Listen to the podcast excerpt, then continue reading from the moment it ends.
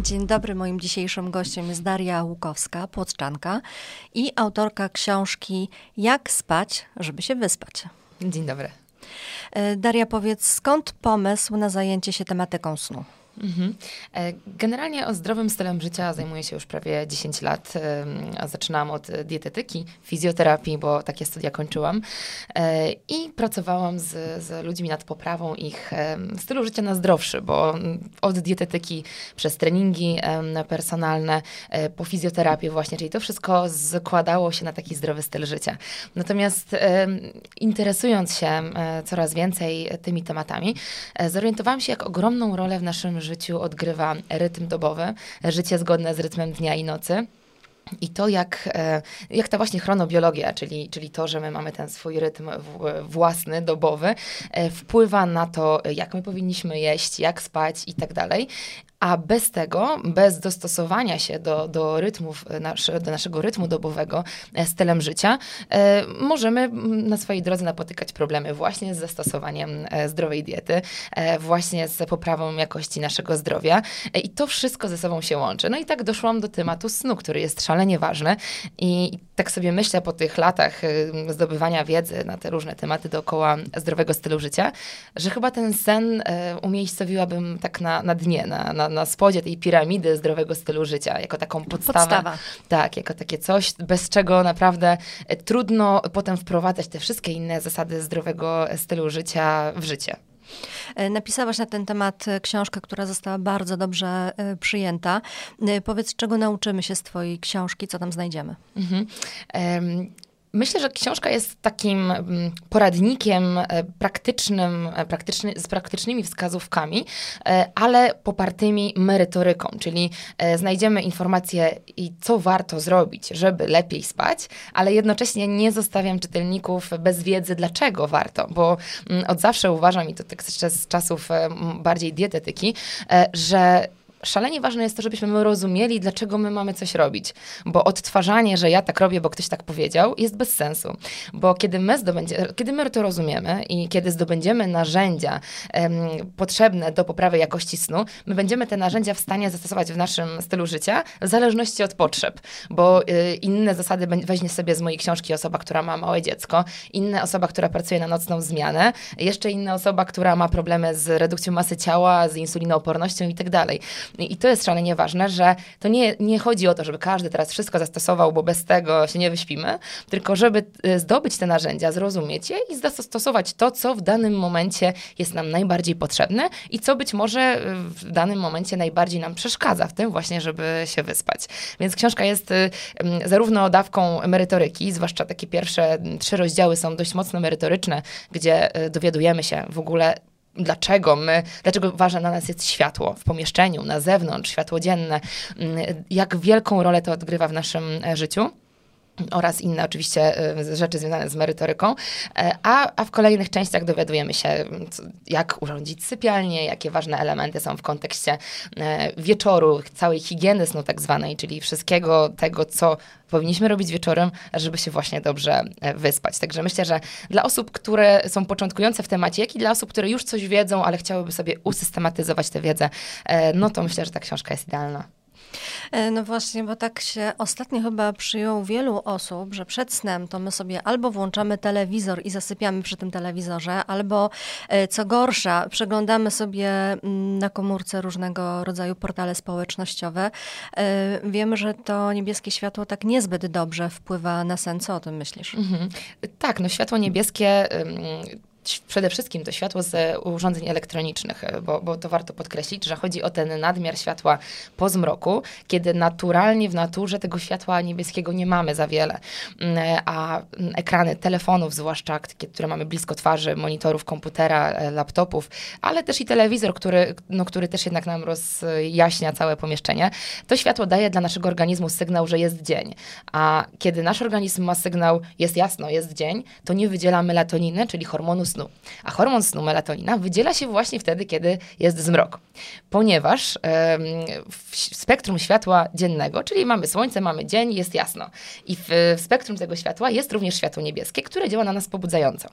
E, więc to jest ok. Światło niebieskie nie jest złe. Światło niebieskie nie jest dla nas dobre, kiedy jest po zmroku, a to właśnie e, zdarza się, kiedy mamy przed sobą te urządzenia elektroniczne, przez co organizm nie ma sygnału, że jest wieczór, nie rozpoczyna tych procesów swoich przygotowujących nas do snu, przez co przesuwa nam się ten moment, kiedy się robimy senni, przez co wydaje nam się, że jesteśmy tak zwanymi nocnymi markami czy sowami i nam to się nie chce zbyt wcześnie spać, ale robimy sobie wiele rzeczy, które właśnie powodują to, że my e, tymi nocnymi markami ze względu na nasz styl życia e, się stajemy, przez to później wstajemy, mamy problem ze wstaniem, a jeżeli musimy rano wstać, no to wstajemy przemęczeni, e, nie mamy siły, energii, dopiero w ciągu drugiej części dnia mamy tą energię do, do działania, przez to znowu ponownie mamy wrażenie, że jesteśmy tym nocnym markiem, a tak naprawdę niewiele z nas jest takim prawdziwym nocnym markiem i, i nie jest w stanie dostosować do tego rytmu dnia i nocy, tylko nasz styl życia powoduje właśnie, że nie jesteśmy w stanie wstawać rano i kłaść się wcześniej spać. Dlatego warto jednak mimo wszystko ograniczać te urządzenia te światło niebieskie, ale oczywiście to znowu będzie, to zależy w jaki sposób, bo to zależy od naszego stylu życia. I, i tak na każdym e, kroku w książce staram się podkreślać, że e, nie chodzi tutaj o presję, że musimy teraz żyć e, jak w, w jaskini albo, e, albo gdzieś tam jak za czasów, kiedy jeszcze nie było żadnej elektroniki, no bo tak jak e, powiedziałam, każdy pracuje inaczej, e, ma inne sprawy do załatwienia i tak dalej, ale chodzi właśnie o to, żebyśmy rozumiejąc to, mogli zastosować pewne triki, które spowodują, że jednak pomożemy temu organizmowi wieczorem w tym, żeby się poczuł senny. E, to bardzo ciekawe, co mówisz, bo podział na poranne ptaszki i nocne sowy był właściwie od zawsze i wydawało się, że to jest taka natura poszczególnych mhm. osób. E, tymczasem z tego, co mówisz, wynika, że można się nauczyć jednak być tym porannym ptaszkiem. Tak, znaczy to nie jest tak, że tego nie ma. To jest podział. W, w badaniach naukowych nazywamy to typem wieczornym i typem e, porannym oraz typem mieszanym. Okazuje się, że większość społeczeństwa jest typem mieszanym, czyli no właśnie, jesteśmy w stanie gdzieś tam tutaj lawirować pomiędzy jednym a drugim. E, I ja nie mówię absolutnie, że nie ma takiego podziału. Jest, tylko my go trochę źle rozumiemy, bo dla nas e, to, że my właśnie siedzimy długo wieczorem, e, nawet wręcz w środku nocy, no jakby nocnym markiem nie jest osoba, która, znaczy osoba, która siedzi do na przykład trzeciej w nocy, grając, nie wiem, czy w gry, czy pracując w nocy, cokolwiek robiąc, przed właśnie eksponując się na to światło jasne, to nie jest tak, że to właśnie ta osoba jest genetycznie nocnym markiem.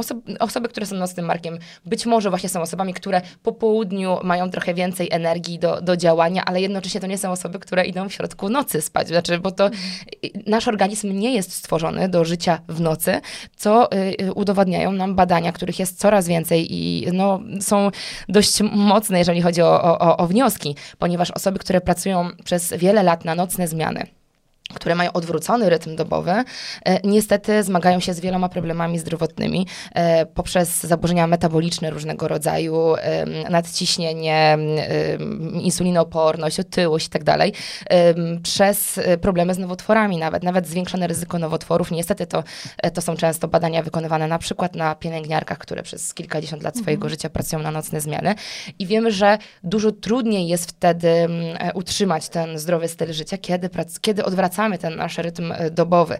E, I, i, i jakby wiemy, że robiąc wiele rzeczy związanych z higieną snu, możemy faktycznie wrócić do tych naszych. Ja nie mówię tutaj, że każdy będzie stawał o 5 rano, absolutnie nie, bo to, to jakby możemy i o 7, o 8 wstawać. To już zależnie od naszego stylu życia, ale bardziej mi chodzi o to, co się dzieje wieczorem, że e, nie możemy sobie tłumaczyć tego, że my jesteśmy nocnymi markami i przez to chodzimy spać w środku nad ranem, nocy, tak. nad ranem, bo to nie jest definicja nocnego marka. My po mhm. prostu sobie tak naszym stylem życia e, rozwalamy rytm dobowy, tak brzydko mówiąc, e, ale e, z drugiej strony są zawody, które muszą być zawodami pracującymi na nocne zmiany i bez których społeczeństwo by nie funkcjonowało.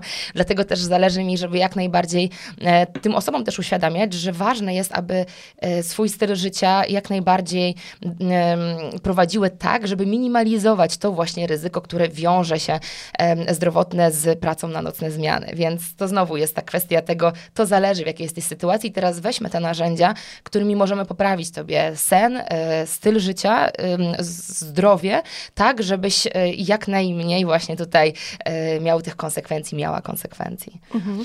Niedawno mieliśmy znowu do czynienia ze zmianą czasu. Powiedz, co sądzisz o tym, żebyśmy przechodzili e, dwa razy w roku właśnie te zmiany e, czasu? Jak mhm. to wpływa na nasz sen? No, wbrew pozorom wydaje się, że to jest tylko godzina w tą albo w tą i nie powinno mieć to w ogóle wpływu, ale okazuje się, że no prawda jest inna. Dla naszego organizmu to jest duży szok, mm, zwłaszcza ten szok, który jest, kiedy przechodzimy z czasu zimowego na letni. Bo czas zimowy to jest ten tak zwany czas standardowy, który był zawsze, natomiast czas letni wprowadzono e, no właśnie ponad 100 lat temu w Stanach Zjednoczonych z powodów takich, żeby oszczędzać energię. Były jakby różne, różne propozycje od różnych osób. To były też propozycje od, e, od na przykład naukowca, który zajmował się badaniem owadów i który zaproponował, że powinniśmy o dwie godziny e, właśnie sobie zaoszczędzić tego czasu letniego, no żeby, żeby on po pracy miał więcej czasu na swoje badania nad, nad owadami w naturze. Więc takie zabawne historie różne dotyczące tego światła są prawda jest taka, że ostatecznie to, dlatego to zastosowano, żebyśmy oszczędzali energię. Natomiast kiedyś to miało trochę więcej racji bytu, teraz ma już mniej, no z racji tego, że trochę to się wszystko pozmieniało, jeżeli chodzi o energię e, i, i tak dalej.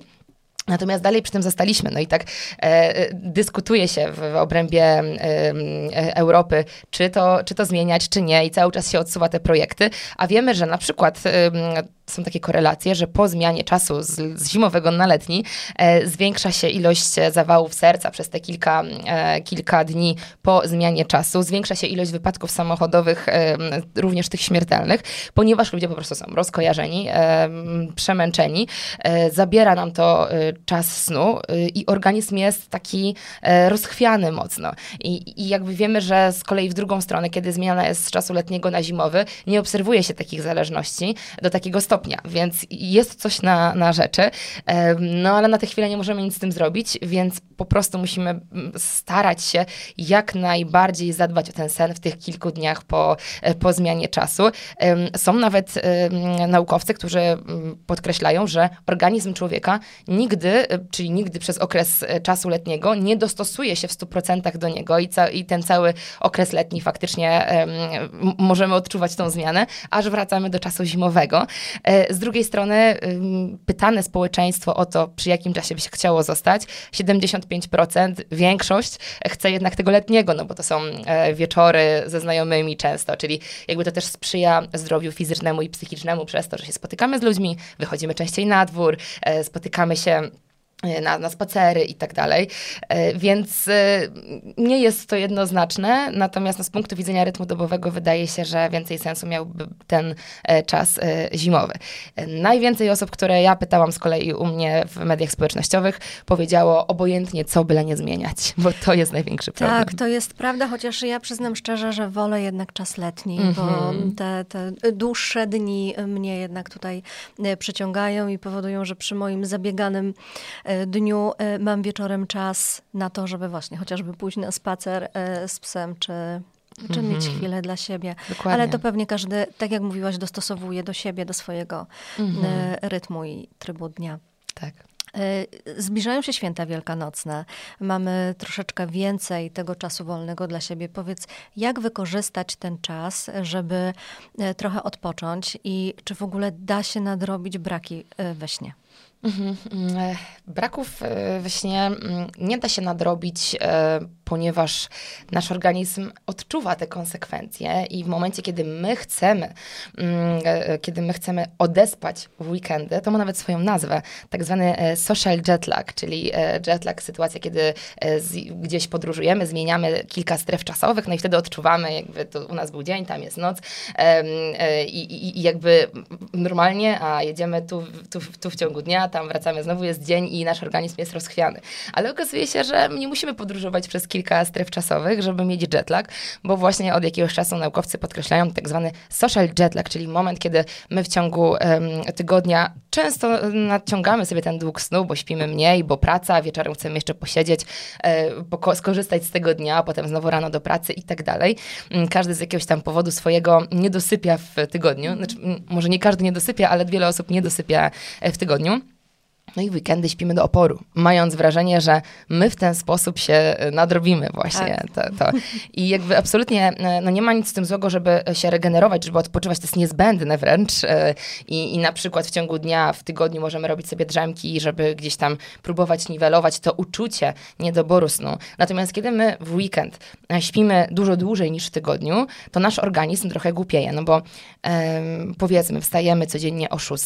Teraz w sobotę wstanę sobie o 11 no to organizm potrzebuje tak zwanej presji snu, żeby być sennym. Czyli jeżeli ja sama o 11, to ja już nie będę senna powiedzmy o tej 22, no tylko prawdopodobnie o północy. No to jak pójdę tak późno spać, no to znowu następnego dnia w niedzielę znowu wstanę raczej później, no bo mogę, bo, bo znowu sobie pośpię tej 11. No to znowu mi się w niedzielę nie chce spać. No to idę późno spać, ale potem już w poniedziałek muszę wstać znowu o tej 6, e, nie? Więc w tym I momencie... nagle poniedziałek jest dla nas najgorszym dniem dokładnie, tygodnia. Dokładnie, dlatego podkreśla się, nasz organizm kocha rutynę, żeby idealnie idealnie, gdybyśmy mogli cały tydzień wstawać o tej samej porze. To też jest często przyczyna bezsenności. Jeden, jedna jedna z, z narzędzi, jedno z narzędzi, które się, z którego się korzysta, kiedy wprowadzamy terapię bezsenności z terapeutą bezsenności, e, co zazwyczaj jest to e, psycholog, psychoterapeuta, e, polega na tym, że musimy właśnie wstawać o tej samej godzinie codziennie i właśnie w ciągu dnia no, trzeba robić dużo, żeby zwiększyć tą presję snu, żeby nasz organizm się porządnie zmęczył, żeby odczuwał tą, e, tą presję snu. Więc, e, no więc odpowiadając na to pytanie a propos świąt, e, zwróćmy uwagę, żeby jednak te pobudki raczej były zazwyczaj podobne, ale idźmy do tego wieczora, czyli może nie kładźmy się późno, tylko właśnie zadbajmy o to, żeby mam wolny czas, poło położę się położę właśnie wcześniej, żeby wcześniej móc wstać, um, albo porobię chociaż czynności, bo jakby też nie jest tak, że jeżeli codziennie chodzimy spać o 23, to nagle zaśniemy o 21, absolutnie, bo to jest proces, to jest bardzo długi proces. Ale być może wtedy zadbajmy o to wyciszenie wieczorem, o to światło. E, za nami jest piękne światło, właśnie taka barwa e, żarówki i właśnie, e, barwa żarówki, przepraszam, barwa świeczki i taka żarówka właśnie powinna być wieczorami, czyli taka pomarańczowo-czerwonawa. Coś, co nam, co, co imituje ciepła, ciepła mhm. barwa, tak, co imituje nam zachód słońca.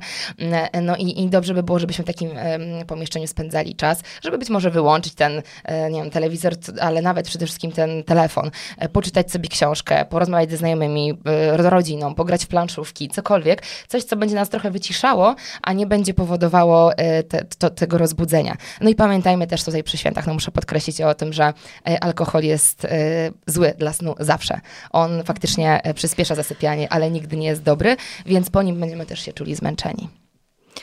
Bardzo ciekawe jest y, to, co mówisz, aż zerkam tutaj y, na nasz czas, że to już tak szybko minęło.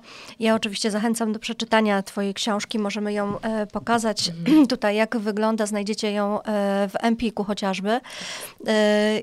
I zachęcam, żeby, żeby zapoznać się z tymi dobrymi radami Darii.